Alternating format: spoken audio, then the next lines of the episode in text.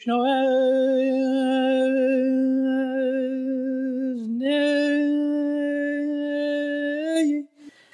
حکایت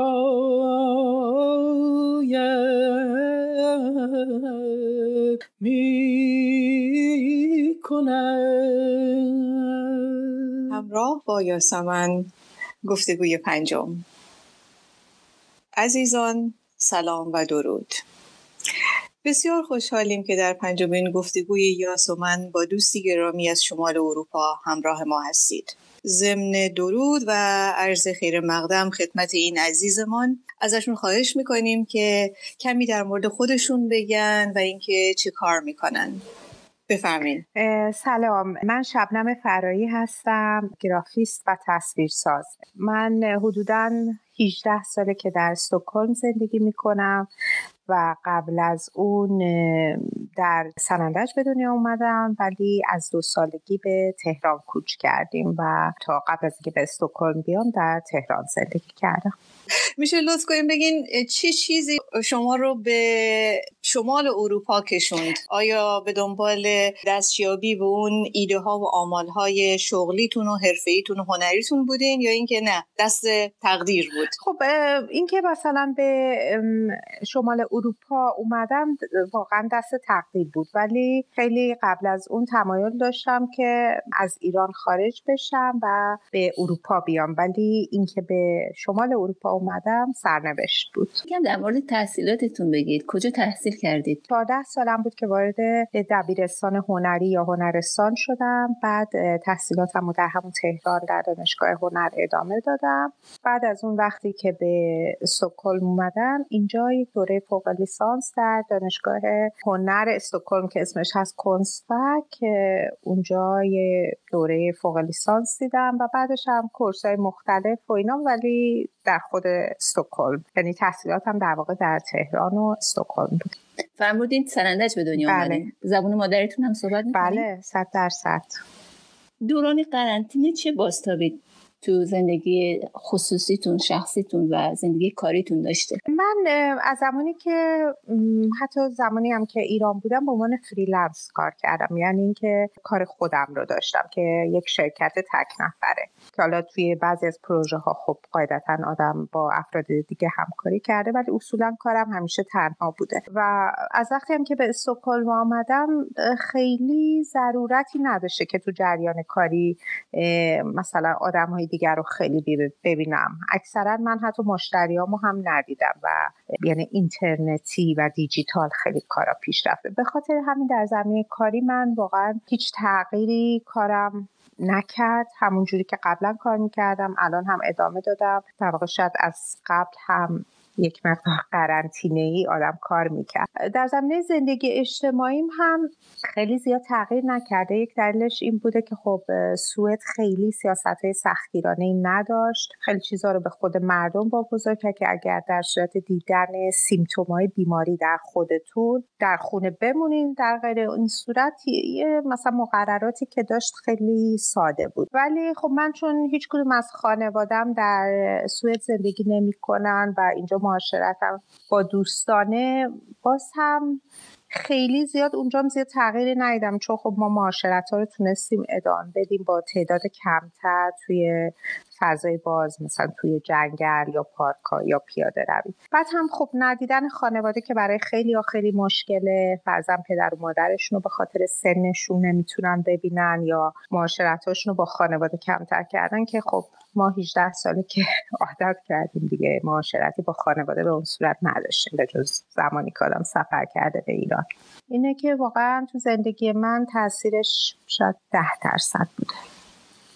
میشه که میشه در مورد هیته کاریتون توضیح بدین. که گرافیست هستین آیا گرافیست در شاخه خاصی هستید راستش رو بخوایم من خیلی زمینه کاریم گسترده هست. دلیل عمدهش هم خب به خاطر اینکه من خودم شخصیتا یه آدم خیلی کنجکاوی هستم و دوست دارم خیلی دوست دارم زمینه های مختلف بسری رو آزمایش کنم امتحان کنم و ببینم که مثلا چجوری زمینه های مختلف کار می‌کنه. ولی خب از وقتی که حدود مثلا الان ده دوازده سالیه که یه مقدار علاقه از قبل داشتم به کارهای دستی صنایع دستی و حرفه های قدیمی که در واقع مثلا بعد از انقلاب صنعتی در اروپا تقریبا مرد و در کشوری مثل ایران خب تبدیل شد به صنایع دستی و یه حرفه هایی فقط برای که کار می‌کردم فقط یه چیزی شد برای مثل اون چیزی که ما میگیم سوونیر یعنی مثلا کادو یا تحفه از سفری آدم بخواد بیاره.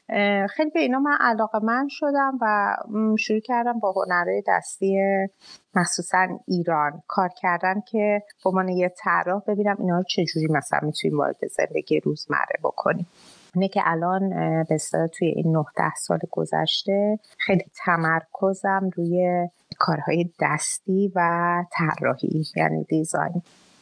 برداشت من این هستش که شما نه تنها تولید می‌کنید کارهای هنری رو در کنار اون حتما تدریس هم می‌کنید. این درسته؟ بله بله. بله. من خیلی ساله که تو کار تدریس هستم و الان در حال حاضر در یک کالج هنری به عنوان معلم ایلوستراسیون یا تصویرسازی کار می‌کنم.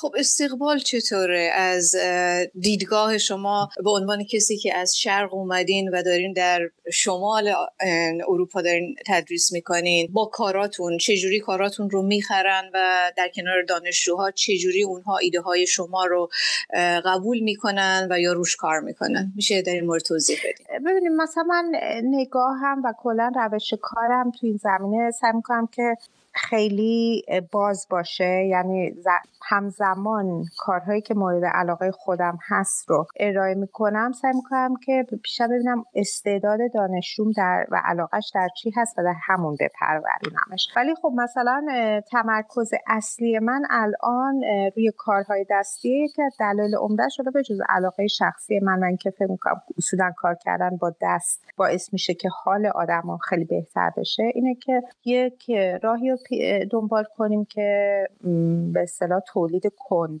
بهش میگیم یا slow production و به این وسیله بتونیم مثلا این ضایعاتی رو که به محیط زیست وارد می‌کنیم کمتر بشه. مثلا من با قلمکار یعنی تکنیک قلمکار کار کردم. خب شما خودتون می‌دونین اگه بخوایم ما بخوایم یه پارچه رو با قلمکار کار کنیم تولیدش خیلی بیشتر طول می‌کشه تا با روش های تولید امروز بخوایم اون رو تولید کنیم. و این خودش خب کمک خیلی بزرگه. برای اینکه شما وقتی که تولیدتون بیشتر طول بکشه کمتر هم تولید می‌کنین و به اصطلاح خب کمتر هم دور انداخته میشه. و این طرز تفکر من اینجا خب خیلی مورد استقبال قرار گرفته.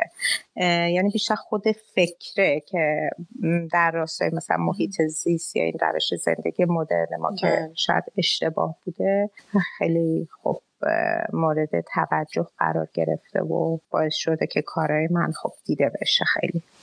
فرمودین که شما سعی کردین تلفیق بدین. هنر دستی و صنعتی ایرانی رو با اینجایی که زندگی می‌کنید اینو چطور تلفیق دارید آیا نمونه ای دارید برامون بیشتر توضیح بدید بله مثلا اگه برگردیم به این کارهای قلمکار مثلا سال 2015 که تعداد خیلی زیادی از مهاجرین وارد سوئد شدن بیشتر به خاطر جنگ سوریه بود. خب مقدار خیلی زیادی از کسایی که به خاطر جنگ از سوریه فرار کرده بودن وارد سوئد شدن و همراه با اونا خب مهاجر دیگه هم وارد شدن یه مقدار علیرغم که خب مردم سوئد کلا آدم های بازی بودن ولی خب یه مقدار یه موجی توی جامعه به وجود اومد توی بعضیا که یکم ضد ضد مهاجر بود. خب به خاطر اینکه موج خیلی زیادی از مهاجرین داخل داخل کشور شد. و بعد من همزمان با اون شروع کردم سنت های سوئدی رو برداشتم و اومدم برای هر کدوم از این جشن های سوئدی یه دونه پترن یا نقش تکرار شونده طراحی کردم که بر اساس این جشن ها بودش که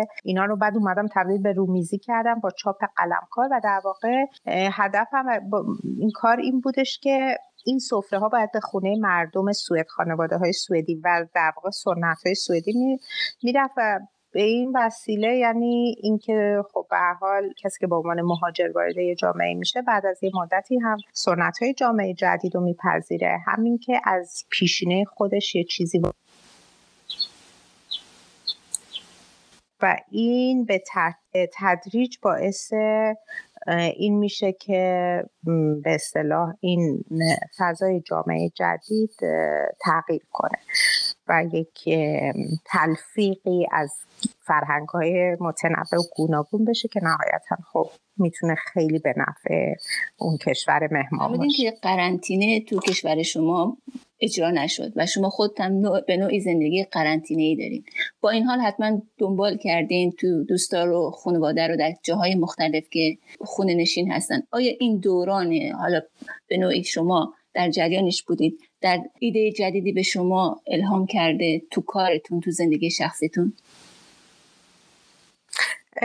والا راستش رو بخواین مثلا توی زمینه کار تدریس و اینا یه مقدار خوب چرا؟ اینکه آدم حالا البته به طور مشخص نمی‌تونم بگم که چی دقیقا ولی اینکه چطوری آدم باید آنلاین در تماس باشه با آدم ها تماسش رو از دست نده چطوری بتونه هنوز اون انگیزه رو در دانشجو زنده نگه داره که با وجود اینکه خب نیازی ندارن که بیان سر کلاس حقیقی اون کلاس مجازی هم براشون به همون جدیت کلاس های معمولی باشه. و اینکه چیزی که برام جالب بود اینه که خب خیلی از کارهایی که ما انجام میدیم در طول روز مثلا که سوئد کشور جلسه و میتینگه. یعنی شما دائم برای کوچکترین چیز هم باید یه جلسه بذارین. البته این شاید به خاطر سنت خیلی قوی دموکراتیکشه که در مورد همه چی شور باید بشه. و اینا این مشورت ها خیلی وقت می‌گیره اغلب که برای کوچکترین چیزی باید رای گیری بشه. بعد من متوجه شدم که البته اینو همه میگن که چقدر مثلا میشه همینطوری مجازی این میتینگا رو سریع و از راه دور هر کی تو خونه خودش نشسته انجام داد و به این وسیله مثلا یه مقدار وقت و انرژی سیف کرد. که البته خب قطعا آدم به خاطر اینکه اون برخورد نزدیک رو نداره یه چیزایی از دست میده. ولی اگه فقط زمینه کاری باشه فکر می‌کنم که بتونیم خیلی چیزا رو از این به بعد مثلا مجازی انجام بدیم. آیا وبسایتی دارین جایی که شنونده های ما بخوام برن کاراتون رو ببینن با ایده هاتون آشنا بشن. بله بله. این وبسایت من هستش www.studioshabnam.com در پایان این گفتگو ازتون خواهش می‌کنم که اگر پیامی دارید اگر توصیه دارید برای خود ما یعنی منظورم یاس و من هست و همینجور دوستان عزیزمون بفرمایید. خیلی هم ممنون. مرسی از اینکه این وقت رو در اختیار من گذاشتین و من تونستم یکم از این دوران براتون تعریف کنم و خیلی من از برنامه که شما درست کردین چیزی که برام خیلی جالبه اینه که با مردم های گوناگون آدم های معمولی صحبت کردین و تونستین خاطرات این مدت رو ثبت کنین. امیدوارم که بتونین کار جالب رو ادامه بدین. من که خیلی لذت بردم. براتون آرزوی موفقیت بسیار بیشتری رو دارم و براتون آرزوی روزی خوب و خوش دارم. خیلی هم ممنون. متشکرم. به همچنین. روز روزگار بر شما خوش.